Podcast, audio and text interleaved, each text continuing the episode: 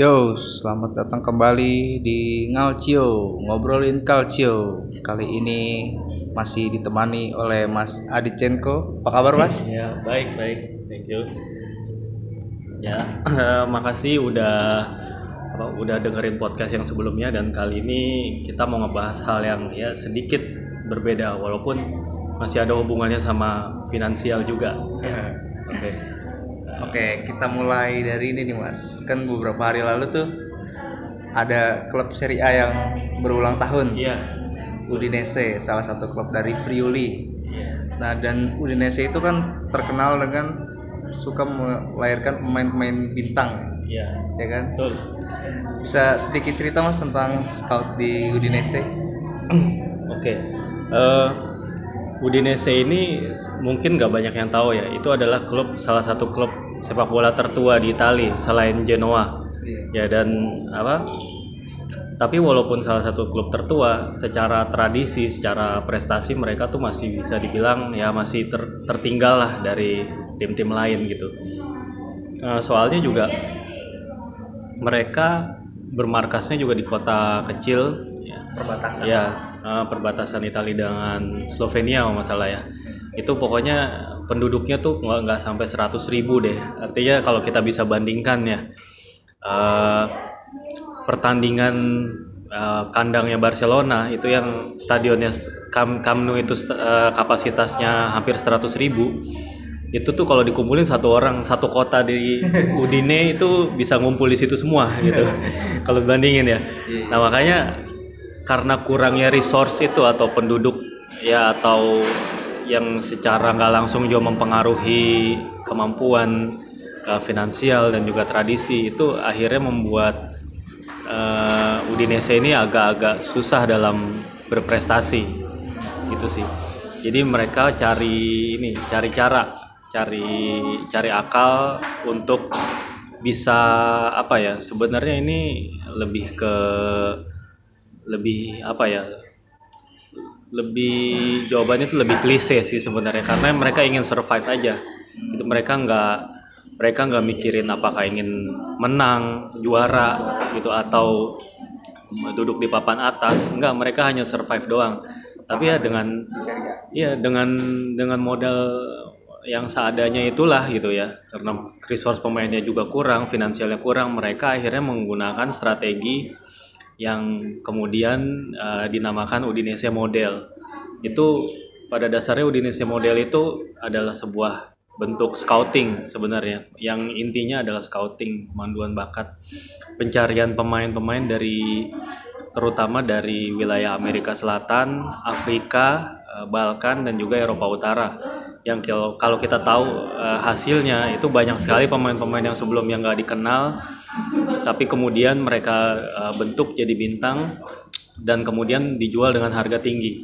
Itu contoh yang paling terkenal ya Alexis Sanchez, ya kayak apa Asamoah, bahkan pemain-pemain seperti ya Alan Handanovic itu juga datang dari situ. Kalau tahun 90-an itu kayak ada Marcio Moroso, juga ada ya Oliver Bierhoff, itu juga asalnya juga dap- didapat dari eh, scouting dari Udinese.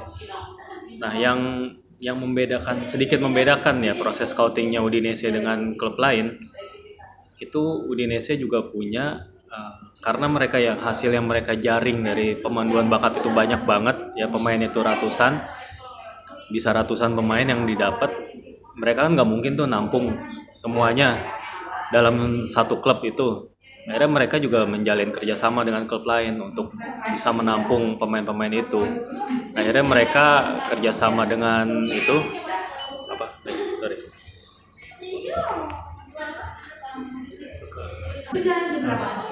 Oke, tadi eh, Udinese itu kemudian menampung menampung pemain-pemainnya itu di klub-klub yang yang kita kenal namanya feeder club, yaitu klub yang punya kerjasama eh, dalam hal eh, apa meminjamkan saling meminjamkan pemain ya. Nah, Udinese ini menjalin kerjasama dengan dua klub. Satu satu itu eh, Granada dari Spanyol, juga Watford di Inggris. Klub Watford ya. Kemudian kalau kalau ngomongin Granada itu dipilih karena kan eh, faktor bahasa ya. Kebanyakan kan uh, Udinese itu pemain-pemain yang mereka scouting itu dari Amerika Latin Iya, yang Spanyol. berbahasa Spanyol ya, untuk memudahkan adaptasi ke Eropa. Mereka banyak uh, beberapa pemain disekolahkan dulu ke Granada dan satu lagi Watford uh, klub Inggris yang dikenal punya akademi bagus ya. Tapi ya walaupun sekarang ini nih agak ya kalau kita loncat sedikit ke konklusi ya uh, apa Udinese itu uh, sekarang udah kayak kurang diperhatiin lagi sama pemiliknya karena pemiliknya lebih memilih untuk ya untuk mem- untuk membiayai Watford ya. Nggak lain karena memang kalau dari liga liga Inggris kan uang Iya. hak siarnya lebih besar ya. Ah, ya itu sekaligus uh, menjawab uh, kenapa Udinese sekarang prestasinya agak-agak menurun gitu ya. Walaupun mereka punya metode scouting yang uh, yang canggih yang menghasilkan banyak uang uh, dan sempat membawa mereka ke papan atas juga beberapa kali bahkan lolos ke Eropa. Ya. Tapi kemudian karena ya fokus yang terbagi itulah ya. Kan uh, Presiden uh, Gianpaolo Pozzo itu juga menugaskan anaknya ya Gino Pozzo untuk uh, memegang Watford ya. Kemudian banyak pemain-pemain yang sebenarnya potensial di Udinese langsung langsung dipakai di Watford ya Jadi si Udinese itu pemiliknya mungkin karena dia nggak melihat secara sisi finansial cukup menguntungkan ya, jadi dia lebih prioritaskan ke Watford itu ya. iya Ah. Dan selain daripada Udinese itu kan ada salah satu klub juga yang sekarang lagi main di Serie B dari klub dari Sisilia ya. Sicilia, iya. Ah. Palermo. Nah, itu Mas, boleh cerita sedikit Mas tentang Palermo scoutingnya.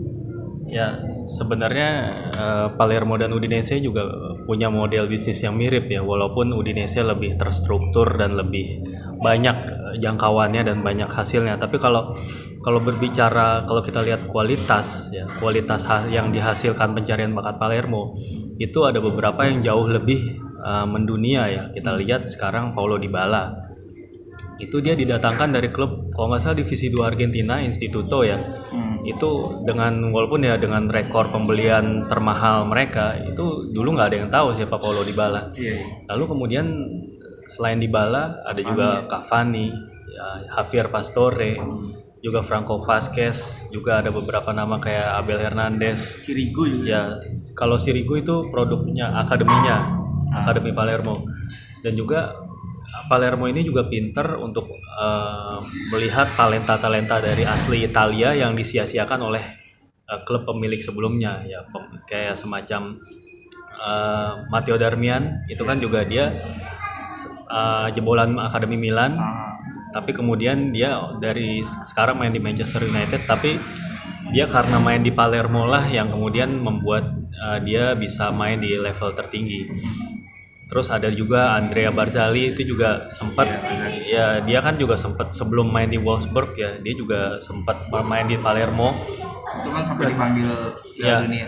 Ya dan yang mungkin banyak orang yang juga uh, luput ya untuk memperhatikan ya bahwa gelar juara Italia tahun 2006 itu juga banyak andil dari pemain-pemain Palermo.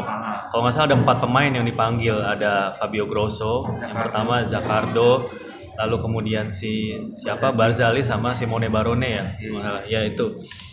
Itu itu membuktikan ya bahwa dan sebelumnya juga Luca Toni kan juga main di situ sebelum dia di Bayern Munchen di mana dia juga uh, sempat jadi top skor juga dan dia jadi bomber utama Italia di 2006 kan. Itulah yang menggambarkan uh, besarnya peran dari uh, Palermo dalam uh, mendidik pemain-pemain ya baik dari pemain-pemain dari Italia ataupun dari Amerika Latin atau dari bahkan dari Eropa Utara. Itu ada seperti Simon Pijair waktu itu yang sempat Oh iya, sempat ya yang sempat juga uh, angkat nama ya dan juga Ilicic ya. ya kalau ya dari Balkan juga sekarang Josip Ilicic itu juga pemain yang sangat menarik ya. Dan kita juga bisa ngelihat has, dari hasil-hasil itulah Palermo uh, bisa uh, sempat sesekali ya. Kita bisa bilang sesekali uh, mencuri perhatian di Serie A karena mereka banyak nggak konsistennya sih. Ah. itu lebih karena faktor ya ya pemiliknya sendiri yang kita tahu Maurizio Zamparini itu hobi banget mencat pelatih ya. Dan itu udah udah bukan rahasia lagi ya. Dan tapi ya karena itulah kemudian karena dianya nggak sabaran dia pengen cepet-cepet dapat hasil. Bahkan pelatih yang empat pertandingan tampil jelek dia bisa langsung pecat itulah yang membuat Palermo tuh nggak nggak stabil prestasinya Padahal kalau dari sisi keuangan hasil penjualan pemain-pemain itu sangat sangat ya sangat besar dan sangat lumayan ya untuk bisa menutup uh, defisit ya. Seperti halnya juga dengan uh, Udinese. Udinese juga uh, dari hasil penjualan pemain mereka juga mendapatkan banyak sekali keuntungan ya karena uh, mereka kan nggak mampu uh, menjual tiket pertandingan dengan uh, yang membuat kapasitas stadion Friuli atau Dacia Arena itu jadi penuh. Dan juga dari stasiun TV kan juga nggak banyak melirik ya. Dari penjualan pemain itulah klub kedua klub ini nih menggantungkan uh, harapan menggantungkan ya memperoleh uh, pendapatan-pendapatan mereka secara finansial. Ya, kurang lebih kayak gitu kalau Palermo ya. Berarti ya kalau mungkin kalau dikumpulkan jadi starting eleven gitu Iya. yang pemain-pemain yang udah dibuang kan seperti Belotti gitu kan mungkin Iya, kalau masih Belotti. kalau masih main di klub itu kan ya kita bisa ada kita punya lini depan Belotti, Dybala dan Cavani. Nah, Bayangin itu. aja. Kalau misalnya mereka masih bertahan juga, Iya. gelandangnya ada Pastore, ada Ilicic, dan juga ada ada ada Kandreva juga. Pernah main di situ ada Nocerino juga. oh iya cerita Ya, itu starting eleven yang saya rasa itu bisa bisa bersaing di papan atas sih. ya selain daripada dua klub itu yang mungkin apa istilahnya untuk menambah finansial dari penjualan pemain dan sebagainya mungkin ada juga klub-klub kayak Genoa ya kan yang Ya, yang menampung beberapa pemain-pemain yang kurang dipakai sama klub aslinya ya. Kalau Genoa itu kebanyakan pinjaman atau gimana tuh mas? Ya, Genoa juga banyak mengambil eh, mengambil keuntungan dari sistem yang kepemilikan bersama komproprieta waktu itu yang udah nggak berlaku lagi. Eh, mereka banyak eh, menjalin kerjasama dengan klub-klub besar ya. Wa- kalau waktu zam zamannya Berlusconi, eh, Genoa itu banyak kerjasama sama Milan.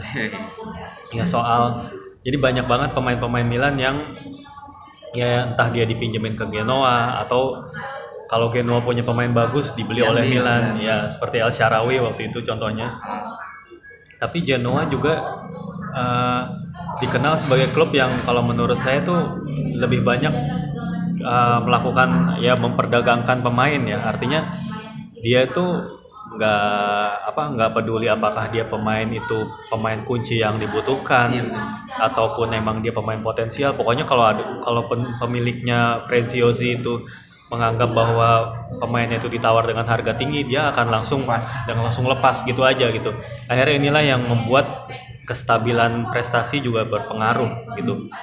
Artinya jadinya ya prestasi Genoa kebanyakan di papan tengah gitu ya tapi tanpa klub seperti Genoa ini kita mungkin nggak nggak tahu pemain seperti yang namanya Piatek dan Iya. atau atau Kowame sekarang yang lagi bersinar. Itu adalah salah hasil dari scouting yang juga lumayan bagus juga dari Genoa ya. Dan juga yang, yang mungkin nggak banyak tahu yang banyak orang nggak tahu juga eh, dari Genoa lah itu asalnya eh, Inter meraih eh, gelar treble waktu tahun 2010 itu karena Milito Inter ya? beli Milito dan Thiago Motta waktu itu itu dua pemain itulah yang menjadi yang pemain yang sangat penting bagi Inter dalam merebut treble winners. Itulah ya sumbang si Genoa buat Italia ke- kalau dalam eh, belakangan ini ya. Karena Genoa sendiri salah satu klub tertua Italia juga tapi mereka jarang banget meraih juara. Mereka ya ber- bersinarnya di masa lalu doang gitu. Kurang lebih gitu kalau Genoa. Ya lanjut lagi. Selain daripada scoutingnya Udinese juga termasuk salah satu klub Serie A yang punya stadion sendiri ya. Iya, betul. Ah, dan selain daripada Udinese itu apalagi mas? Eh, ada tentunya Juventus dan juga Sassuolo dan yang eh, kemarin juga terdengar adalah Atalanta yang punya stadion sendiri. Lalu kemudian ada Roma yang sedang dalam proses eh, kabarnya proses pembangunan stadion dan juga Fiorentina. Eh, sementara kemudian kalau kita berbicara duo Milan ya Inter sama Milan itu kan identik dengan stadion eh, San Siro. Iya. Itu Kontrak.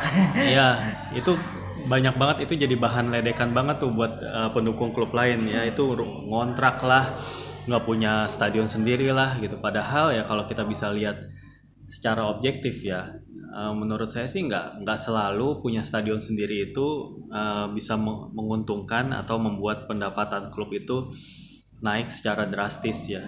Karena pertama kalau kita lihat uh, kalau klub uh, membangun stadion itu menghabiskan biaya yang sangat besar apalagi kalau dia membangunnya dari awal ya. Kalau klub seperti kayak Sassuolo ataupun uh, Atalanta itu kan mereka membeli stadion yang yeah. yang milik uh, pemerintah kota setempat yang kemudian mereka beli. Tapi kalau uh, di kota Milan kalau kita lihat kota Milan itu sendiri nggak ada uh, stadion milik uh, pemerintah setempat yang bisa dibeli gitu Uh, kalau kalaupun San Siro mau dibeli itu harganya sangat tinggi banget hmm. gitu ya. Dan kalaupun membangun ataupun membangun uh, stadion sendiri di uh, di sekitaran kota Milan itu tanah di sana juga harganya mahal banget ya. Iya, iya. Kota Milan kan kota besar juga ah, dan karena pada saat itu bukannya sama sekali nggak pernah dicoba ya waktu zaman Berlusconi hmm. Milan juga sempat mau bangun stadion sebenarnya bahkan udah katanya udah mau udah, udah desain iya udah bikin udah ada desainnya konstruksi juga katanya udah dimulai. Cuman uh, kemudian Silvio Berlusconi sendiri pemilik Milan yang kemudian memveto uh, apa namanya proyek tersebut gitu. Padahal itu anaknya sendiri kan yang menggagas Barbara, gitu Barbara ya. Itu menurut Berlusconi itu harga tanahnya nggak masuk akal gitu kemahalan. Dan kalau di dimasukkan ke dalam hitung-hitungan balik modal atau break even, point ya itu mungkin hitung-hitungannya jauh lah nggak uh, apa namanya nggak akan balik modal dalam waktu dekat. Hmm. itu itu pasti Berlusconi udah punya kalkulasinya sendiri ya. Artinya kalau mempertimbangkan hal-hal seperti itu membangun stadion untuk memiliki stadion sendiri itu nggak selamanya jadi solusi yang pas gitu karena kondisi klub berbeda-beda ya kalau kita ambil ambil contoh Juve waktu dia bisa membangun Juventus Stadium sebenarnya kalau kita lihat ke belakang uh, pembangunan Juventus Stadium itu dimulai kalau nggak salah setelah kasus Calciopoli Juve. Dari situ manajemen Juve itu uh, berkomitmen bahwa mereka ingin berubah, mereka ingin apa namanya mengambil langkah yang berbeda supaya klubnya ini meraih uh, kesuksesan secara jangka panjang dan membangun stadion itulah yang jadi solusi. Dan itu pada saat itu memang bisa dimungkinkan membangun stadion karena kenapa? karena Juve juga secara tim sedang dalam fase membangun setelah Calciopoli tadi kan Juve degradasi ke Serie B dan pemain-pemain bintang banyak yang pergi hmm. dan tentunya pendukung juga tahu lah maksudnya mereka nggak lagi menuntut Juve untuk langsung juara uh, uh, apa namanya tapi bertahap gitu nah pada saat periode itulah Juve membangun Juventus Stadium yang kemudian hasilnya baru mereka bisa dapetin itu sekarang. Iya. sekarang sekarang ini baru bisa dapat hasilnya dari pembangunan stadion itu. Tapi pembangunan balik lagi pembangunan stadion itu tadi dilakukan pada saat kondisi dan prestasi Juve itu lagi lagi menurun ya sehingga ekspektasi pendukung juga tidak terlalu besar ya berbandingkan dengan kondisi Milan dan Inter. Milan dan Inter tuh udah terlalu lama bila bisa dibilang udah terlalu lama terpuruk ya sehingga supporternya pun udah nggak sabar lagi yeah. untuk menungguin uh, balik lagi. Kalau kalau membangun stadion lagi yang mana membutuhkan modal yang besar ya kalau dipaksakan membangun stadion ya Milan sama Inter nggak bakalan bisa beli pemain lagi. Itu bisa dibilang gitu. Nggak nggak ada pemodal yang cukup berani untuk uh, untuk uh, membangun uh, stadion bagi kedua kesebelasan itu karena biayanya yang besar dan itu juga harus harus dibayar dengan prestasi yang mana iya. itu enggak dan instan ya? iya yang enggak ini enggak enggak cocok untuk kondisi ya ambil contoh lagi klub di luar Italia tuh Arsenal waktu itu hmm. pada saat mereka ngebangun Emirates Stadium ya itu mereka juga secara prestasi mengalami penurunan ya walaupun selalu berada di empat besar ya hmm. tapi mereka juga sangat uh, selalu mengatakan tidak mampu membeli pemain-pemain bintang karena ya uang mereka ya habis di pembangunan stadion.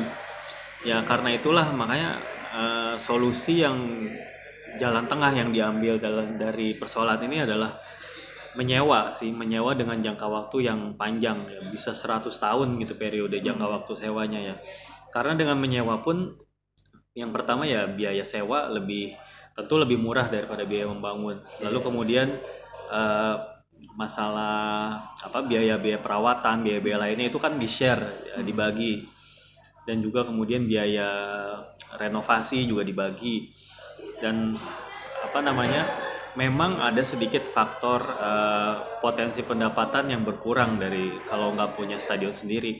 Tapi tentu setiap klub punya hitung-hitungannya sendiri berapa mereka akan meraih pendapatan dari sisi pemasukan dari penonton, berapa mereka men- mendapatkan pemasukan dari sewa gitu kan, sewa di stadion. Uh, itu juga akan berpengaruh pada keputusan uh, untuk uh, membangun stadion atau menyewa. Yaitu kan memang dalam dalam finansial sendiri kan juga ada istilah membangun atau menyewa. Itu kan juga ada analisanya sendiri ya. Jadi ya menurut saya nggak selamanya nggak punya stadion itu merugikan dan nggak selamanya punya stadion itu menguntungkan. Menurut saya sih itu harus dilihat secara seimbang ya. Balik lagi. Jadi ada stabilitas keuangan yang perlu diperhitungkan ya Iya betul. daripada itu. Dan kalau kita bicara Milan nih, kayaknya nih kepemilikan barunya nih memang prioritasnya agak ke bisnis ya mas sekarang. Kalau misalnya dibandingkan dengan Berlusconi lah, Berlusconi kan dia apa intinya tuh prestasi dulu nih. Iya. Ah, cita-citanya prestasi. Kalau yang Mas Adit lihat sendiri dengan kepemilikan Milan yang baru nih, Iya. Apakah memang mengincar prestasi atau hanya sebatas seperti Arsenal gitu? Iya. Iya. bisnis. Bisa dibilang ya kalau kepemilikan baru Milan ini kan sekarang eh, dimiliki oleh Elliott Management Corporation yang sebuah badan investasi atau hedge fund dari Amerika Serikat. Ya yang mana eh, Elliott ini punya punya reputasi sebagai badan eh, finansial yang di, yang dia benar-benar hanya memikirkan keuntungan. Ya dia benar-benar investor sejati. Art- artinya dia nggak yang dia yang dia pikirkan hanya apa yang dia investasikan itu hasilnya lebih eh, lebih baik akan menghasilkan keuntungan bagi mereka gitu. Mereka nggak akan terlalu peduli sama hal-hal lain ya.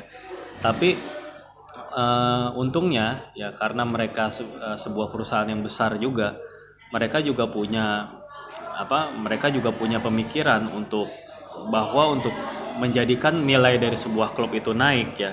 Mereka harus mengelolanya dengan benar. Dan nggak ada cara lain untuk mengelola klub dengan benar selain juga mempercayakan ke tangan-tangan yang memang berpengalaman yang memang punya kompetensi di situ. Maka itulah ditunjuk ya orang-orang seperti Leonardo, Paolo Maldini dan juga kemudian Ivan Gazidis yang mantan dari uh, CEO Arsenal ya untuk uh, memegang Milan sekarang. Itu menunjukkan bahwa Milan memang sekarang uh, yang diutamakan oleh Elliot itu adalah menaikkan nilai jual. Jadi dalam waktu 3 atau lima tahun emang Elliot nggak akan jadi pemilik Milan selamanya secara abadi gitu. Tapi dia akan menjadikan Milan nilai Milan itu naik. Lalu kemudian dia jual ke pemilik lain dengan harga yang lebih mahal tentunya. Dan menurut saya ini ini adalah proses transisi ya yang mau nggak mau harus dil- dilalui oleh Milan sebelum kita berbicara prestasi lagi. Dan kalau orang banyak yang malah jadi nggak bersemangat gara-gara Milan seperti ya dalam tanda kutip eh, mengikuti langkahnya Arsenal jadi Arsenal eh, bagian kedua gitu ya karena memang eh, seperti itu ya. Menurut saya ya emang ini adalah kondisi ya realita yang harus dihadapi ya menurut saya karena untuk menjadi juara itu prosesnya sangat panjang. Nggak bisa langsung jadi juara. Ya daripada juara dari jadi juara sekali kemudian habis itu hilang. Habis itu nggak nggak nggak jelas nasibnya atau uh, atau bangkrut gitu. Itu kan malah nggak nggak bagus. Jadi menurut saya untuk mencapai level menjadi Arsenal seperti Arsenal yang mana selalu lolos ke Liga Champion itu dululah yang harus dicapai Milan targetnya secara realistis setelah stabil di situ keuangan stabil pemain-pemain bagus mulai mulai datang gitu. Kemudian apa namanya eh, kepercayaan diri mulai kembali fans-fans juga mulai berdatangan. Itulah kemudian baru Milan mem- bisa memikirkan eh, trofi atau prestasi juara lagi menurut saya. Dan itu butuh proses yang panjang sih. Dan itu pendukung harus bersabar kalau soal itu menurut saya.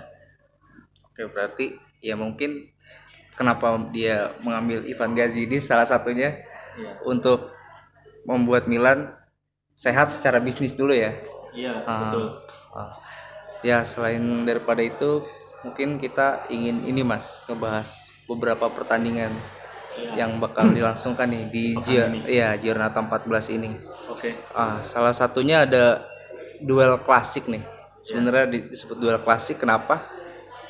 Karena ini da- dari Fiorentina lawan Juventus ya. Iya. Fiorentina itu ya, salah satu klub yang terkenal dengan anti Juve. Iya. Eh, salah satunya ya mereka bilang Juventus itu apa perebut pencuri segala macam eh, dan dia sering membajak bintang-bintangnya itu kalau kita lihat dari sejarahnya itu awalnya kenapa tuh mas? Eh, sebenarnya rivalitas Juventus sama Fiorentina ini ya tentunya lebih banyak Fiorentinanya yang yang, yang apanya namanya yang yang sebelnya ya, yang bitternya ya sebenarnya daripada Juve-nya ya. Itu ya karena nggak lain ya Fiorentina kan nggak punya tradisi sebesar Juventus. Tapi sebenarnya rivalitas itu diawali eh, satu dekade lah eh, sebelum penjualan Roberto Baggio itu yaitu pada musim 81-82 ya itu pada saat itu Fiorentina dan Juve bersaing memperebutkan Scudetto tuh pada saat itu. Yang ditentukan di pertandingan ya dan itu sampai ditentukan di pertandingan terakhir. Waktu itu Fiorentina harus bertanding melawan Cagliari di San Elia sementara Juventus ke Catanzaro di eh, Sicily itu waktu itu kedua apa namanya kalau Fiorentina menang Fiorentina bisa bisa meraih juara gitu ya. Tapi yang terjadi kemudian eh, Fiorentina kalau nggak salah pada saat itu gagal mengalahkan Cagliari deh. Kalau nggak salah ya ya gagal ya. Kosong kosong skornya jadinya Fiorentina eh, gagal meraih Scudetto.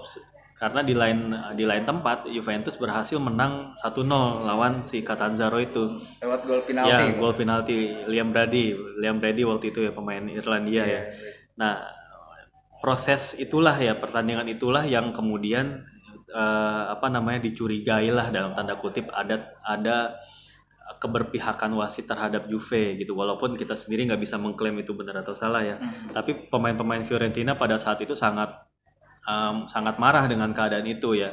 Termasuk pendukungnya juga. Karena Fiorentina pun juga pada saat itu timnya cukup kuat ya. Ada beberapa pemain-pemain timnas Italia yang main di situ kayak Virko Wood, kayak Francesco Graziani dan juga eh, siapa eh, eh, satu lagi tuh eh, bu- eh sorry bukan Altobelli pokoknya ada satu satu penyerang lagi lah saya agak lupa namanya sementara di Juventus juga kan adalah tulang punggung eh, tim nasional Italia yang yang kemudian menang di Piala Dunia 82 yaitu ada Spanyol ya. Ya, yang di Spanyol, yang kipernya di Nozov, juga backnya Claudio Gentile dan Gaetano Sirea, dan juga penyerangnya Paolo Rossi. Ya, itu nggak, itu tim terkuat di Italia saat itu.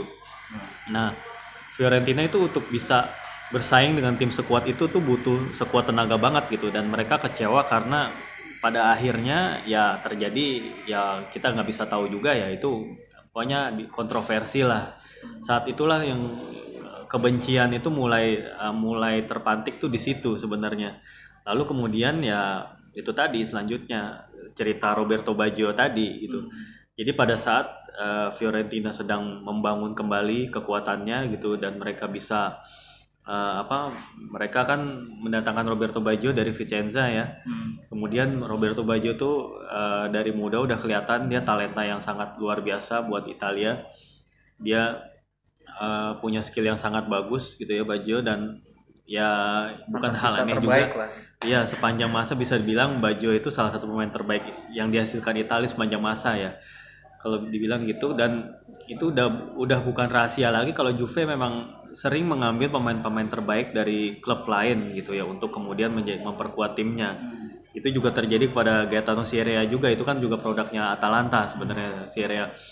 Nah, pada saat Roberto Baggio itulah ya kembali rivalitas ini memuncak ya karena pada saat pada saat itu sebelumnya uh, Fiorentina bertemu Juventus di final Piala UEFA tahun 93 ya, kalau nggak salah ya. Dan Roberto Baggio didekati pada saat itu dan akhirnya Baggio pindah juga ke ke Juve gitu ya. Dan yang menariknya pada saat uh, Roberto Baggio main di Juve dan bertandang ke Fiorentina itu Kurang ya, bersemangat ya, ya betul dan bahkan Baggio juga menolak ngambil penalti dan Iya, iya. Baggio juga pada saat dia digantikan keluar oleh oleh pemain lain Dia dia mencium ya ya ya mencium uh, scruff dari Fiorentina yang dilemparin sama pendukungnya itu itu juga yang membuat ya apa namanya pendukung Juve juga agak-agak sebel sebenarnya sama Baggio gitu ya karena itu. Dan karir Baggio juga di Juve juga nggak nggak begitu awet kan akhirnya kegusur sama Del Piero kan. Ya itulah yang yang kemudian um, mendasari rivalitas dari Fiorentina dan Juventus. Dan kemarin juga sempat menghangat lagi ya setelah uh, Federico Bernardeschi dibeli oleh Juve. Dan kemudian Bernardeschi sendiri selebrasi ketika mencetak gol ke Fiorentina ya itulah yang hal-hal seperti inilah yang kemudian membuat rivalitas ini menjadi warna tersendiri bagi pertandingan setiap kali mereka bertemu ya. Dan yang paling diingat pendukung Fiorentina uh, ada salah satu kemenangan yang paling berkesan tahun 2013 ya yang waktu itu yang ya yang 4-2 yang diwarnai hat trick dari Giuseppe Rossi ya. iya itu. Waktu itu kan bahkan Juve uh, ketinggalan dua gol duluan dan salah satu gol yang dicetak Pogba, Pogba itu selebrasinya niruin Batistuta. Tevez ya, Tevez sama Iya, Pogba kalau nggak salah ya. Yang ya yang selebrasi yang seakan-akan meledek legend mereka iya, ya. Iya, yang selebrasi yang uh, mem- apa dengan senapan mesin itu ala Batistuta. Tapi kemudian di babak kedua Fiorentina mengamuk dan jadi uh, membalikkan skor jadi 4-2. Yaitu mungkin uh, hal-hal yang kayak gitulah yang bisa membangkitkan kembali romantisme uh, Fiorentina. Dan sayangnya kalau untuk pertandingan ke depan ya mungkin hanya hanya sekedar itu aja yang bisa di- dilakukan oleh Fiorentina. Karena kalau kita berbicara realistis ya sangat jauh ya kualitas uh, skuad dari Juventus dengan Fiorentina. Bisa dibilang gitu ya. Meskipun mereka dihuni pemain-pemain muda potensial ya Ya, di sekarang ini. Dan, itu apa beberapa musim lalu pokoknya 90-an ya kalau nggak salah. Waktu mer- si gantian nih Fiorentina ngambil bintang Juve. Masih inget dengan oh ini dan Torricelli. Iya. Iya. betul. Ah, Kalau nggak salah waktu itu si di, di Livio itu sampai disuruh sumpah ya sama Iya, supporter Fiorentina kalau dia bakalan setia dan itu dibuktikan waktu Fiorentina sempat bangkrut ya. Iya, degradasi Degradasi. dia mulai lagi. Oh, di Livio itu tetap setia gitu membela Fiorentina. Iya. Ya mungkin rivalitas Juve itu sampai kayak gitu sama si ya, Giovanni Trapattoni kan Iya, Trapattoni. Iya. sampai diancam lu kayaknya lu masih hati lu masih di Juventus gak? Iya, iya. Iya, iya, pasti hal-hal seperti itu masih Ah. bakalan ada ya.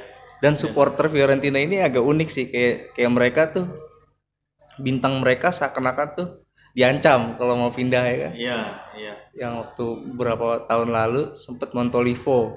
Iya, Montolivo pas pindah ke Milan juga dia banyak dikecam, juga Batistuta waktu Iya, ke Roma. trauma.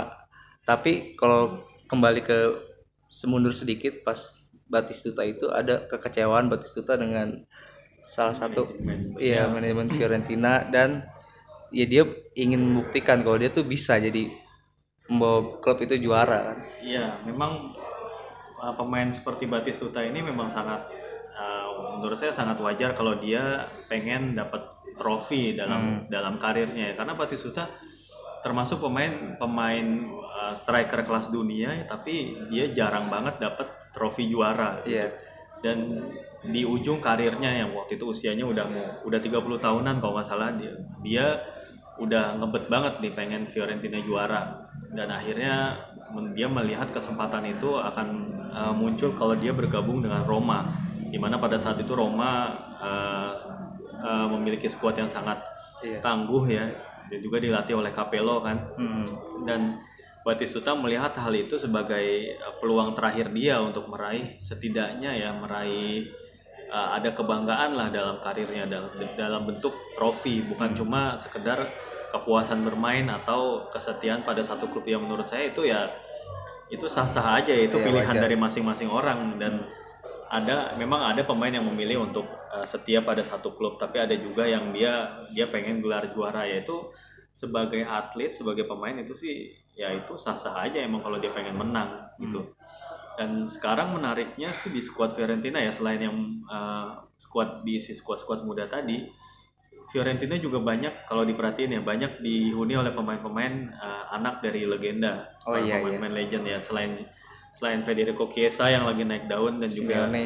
ya Giovanni Simeone itu ada juga anak dari George Haji, Yanis Haji Hmm. dan juga anak dari uh, back back tahun 90-an juga Andrea Sotil, uh, Ricardo Sotil itu juga sekarang jadi pemain uh, Fiorentina. Itu jadi kalau nggak- jadi total ada empat anak pemain legend di Fiorentina gitu dan kalau melihat hal itu ya cukup menarik sih bagaimana uh, pem- anak dari pemain-pemain legend itu memilih Fiorentina sebagai awal mereka dalam meniti karir yaitu juga men- men- menunjukkan bahwa Fiorentina memang cukup ramah ya bagi pemain-pemain muda. Hmm.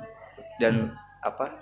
Dengan kesempatan bermain yang lebih tentunya untuk untuk meningkatkan permainan dia seperti Kiesa itu kan jadi Iya. pemain Pemain utama. utama kekuatan utama terus Giovanni Simeone ya Fiorentina ya termasuk skuad dengan rata-rata pemain muda yang cukup lumayan bisa bersaing lah ya Iya, sebenarnya lumayan eh, asal mereka bisa lebih lama lagi menahan para pemain-pemain potensial. Nah, itu tuh Ya, masalahnya itu. tuh. Sebelum mereka dibeli oleh klub-klub besar. Gitu sih. apalagi ke Juve lagi Iya, Juve lagi. Mungkin gitu. itu- kemungkinan ya itu akan rivalitas itu bakalan terus ada terus kalau kalau kayak gitu terus ya. berarti jadi panjang tuh Iya. eh, semangat anti Juve-nya dari supporter Fiorentina. Selain Fiorentina Juve nanti ada Parma Milan, Ya. lalu Atalanta Napoli dan Inter Roma. Menurut Mas Adit mana nih yang cukup menarik nih? Ya semuanya keempat pertandingan itu eh, menarik ya kalau terutama menurut saya yang menarik itu eh, Milan Parma sih sebenarnya. Karena eh, secara mengejutkan Parma tampil sangat baik ya. Sepanjang setidaknya sampai pertandingan pekan ke-14 ini Parma secara mengejutkan berhasil menduduki po- eh, posisi ke-6 ya juga dengan eh, dengan mengandalkan pemain-pemain yang udah udah veteran ya Gervinho dan juga Bruno Alves, di Alves, back. ya. Dan juga pemain-pemain yang nggak nggak dipakai oleh klubnya seperti Federico Di Marco yang Iya. disia-siakan di Inter. Luigi gitu Sepe, ya, ya Luigi Sepe ya itu ya sebenarnya Parma mempunyai apa walaupun begitu nggak ada yang memprediksi Parma bisa apa bisa setinggi ini posisinya ya. Walaupun kita juga masih harus melihat pada putaran kedua Iya. mereka apa apakah mereka bisa mempertahankan konsistensi atau enggak ya dan tapi mereka jelas punya peluang untuk mem membuat malu Milan sih. Apalagi ngelihat kondisi eh, balik lagi ke kondisi pemain-pemain Milan yang sedang krisis ya sedang banyak yang Cedera. banyak yang cedera banyak yang absen. Dan kalau kita ngelihat eh, tren Parma belakangan ini yang agresif sejak awal yang kerap mencetak gol di eh, awal-awal pertandingan ini jelas jadi ujian bagi lini belakang Milan yang kerap eh, bermasalah dengan konsentrasi. dengan Ya selain Fiorentina Juve, ya, ah, dan Parma Milan, ya kalau mungkin kalau sekarang Parma Milan nggak tergolong big match, nggak seperti di 90-an Iya 90-an. Kalau yang gue inget di Parma Milan sih itu laga pertama ikut main judi bola tuh waktu itu. waktu itu ada kakak sepupu dia apa fans Parma. Karena kan Parma ada Crespo segala macem tuh. iya Yesa, ya kan Veron, Buffon dan dia ngajakin, "Ayo San, taruhan dong." Saya waktu itu di apa disuruh megang Milan nih. Kan. Ah. Yo, oke dah Bang, oke. Yaudah saya Milan deh. Terus yang 4-0 oh Toto kalah Pak. Iya Toto kalah 4-0 Aduh Pengalaman pertama men Taruhan bola udah kayak gitu Tapi kalau nggak salah sih di tahun itu tetap Scudetto kan Milan Iya, Milan. Scudetto dan yang menariknya lagi itu kan 4-0 itu kan di pertemuan pertama ya. Iya. Di pertemuan kedua di putaran kedua Milan menang dengan skor 2-1. hmm. Emang ke- kalau dilihat dari skor nggak istimewa, tapi dari kemenangan itulah Milan kemudian meng- meraih 7 kalau nggak salah 6 atau 7 kemenangan beruntun yang kemudian menjadikan mereka meraih Scudetto di tahun 99 ya. Di bawah eh, Zaccheroni. Zaccheroni, ya benar dan pertandingan melawan Parma itulah yang Titik waktu itu yang jadi titik balik, balik bagi Milan untuk bisa mengejar Lazio waktu itu ya.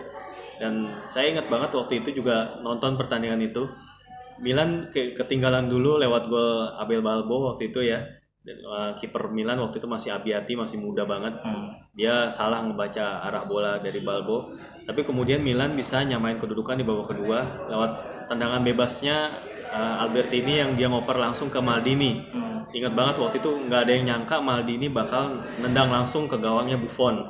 Dan itu itu gol dan itu uh, bikin Milan semangat lagi dan kemudian gol penentu itu datang pas eh, pemain pengganti ya Maurizio Gans itu Oh, iya, masuk itu umpan yang um, dapat umpan yang sangat bagus banget dari Boban dari tengah lapangan Boban ngasih umpan lambung Kompas ya. Ya dan kemudian bisa eh, dijangkau oleh Gans yang waktu itu Gans menang duel lawan Cannavaro dan Buffon Ya dan kemenangan Milan itulah yang menjadi apa awal kebangkitan ya untuk meraih Scudetto. ya Hmm. Dan selain Parma, Milan, Fiorentina, Juve, nanti juga ada Atalanta, Napoli, ya juga Inter Roma nih. Menurut Mas Adit gimana nih? Atalanta, Napoli deh. Eh, Atalanta sangat bagus kalau bermain di kandang ya. Kita bisa lihat buktinya Inter aja waktu itu sangat apa sangat kesulitan yang Iya. mereka kalah telak 1-4 dari Atalanta.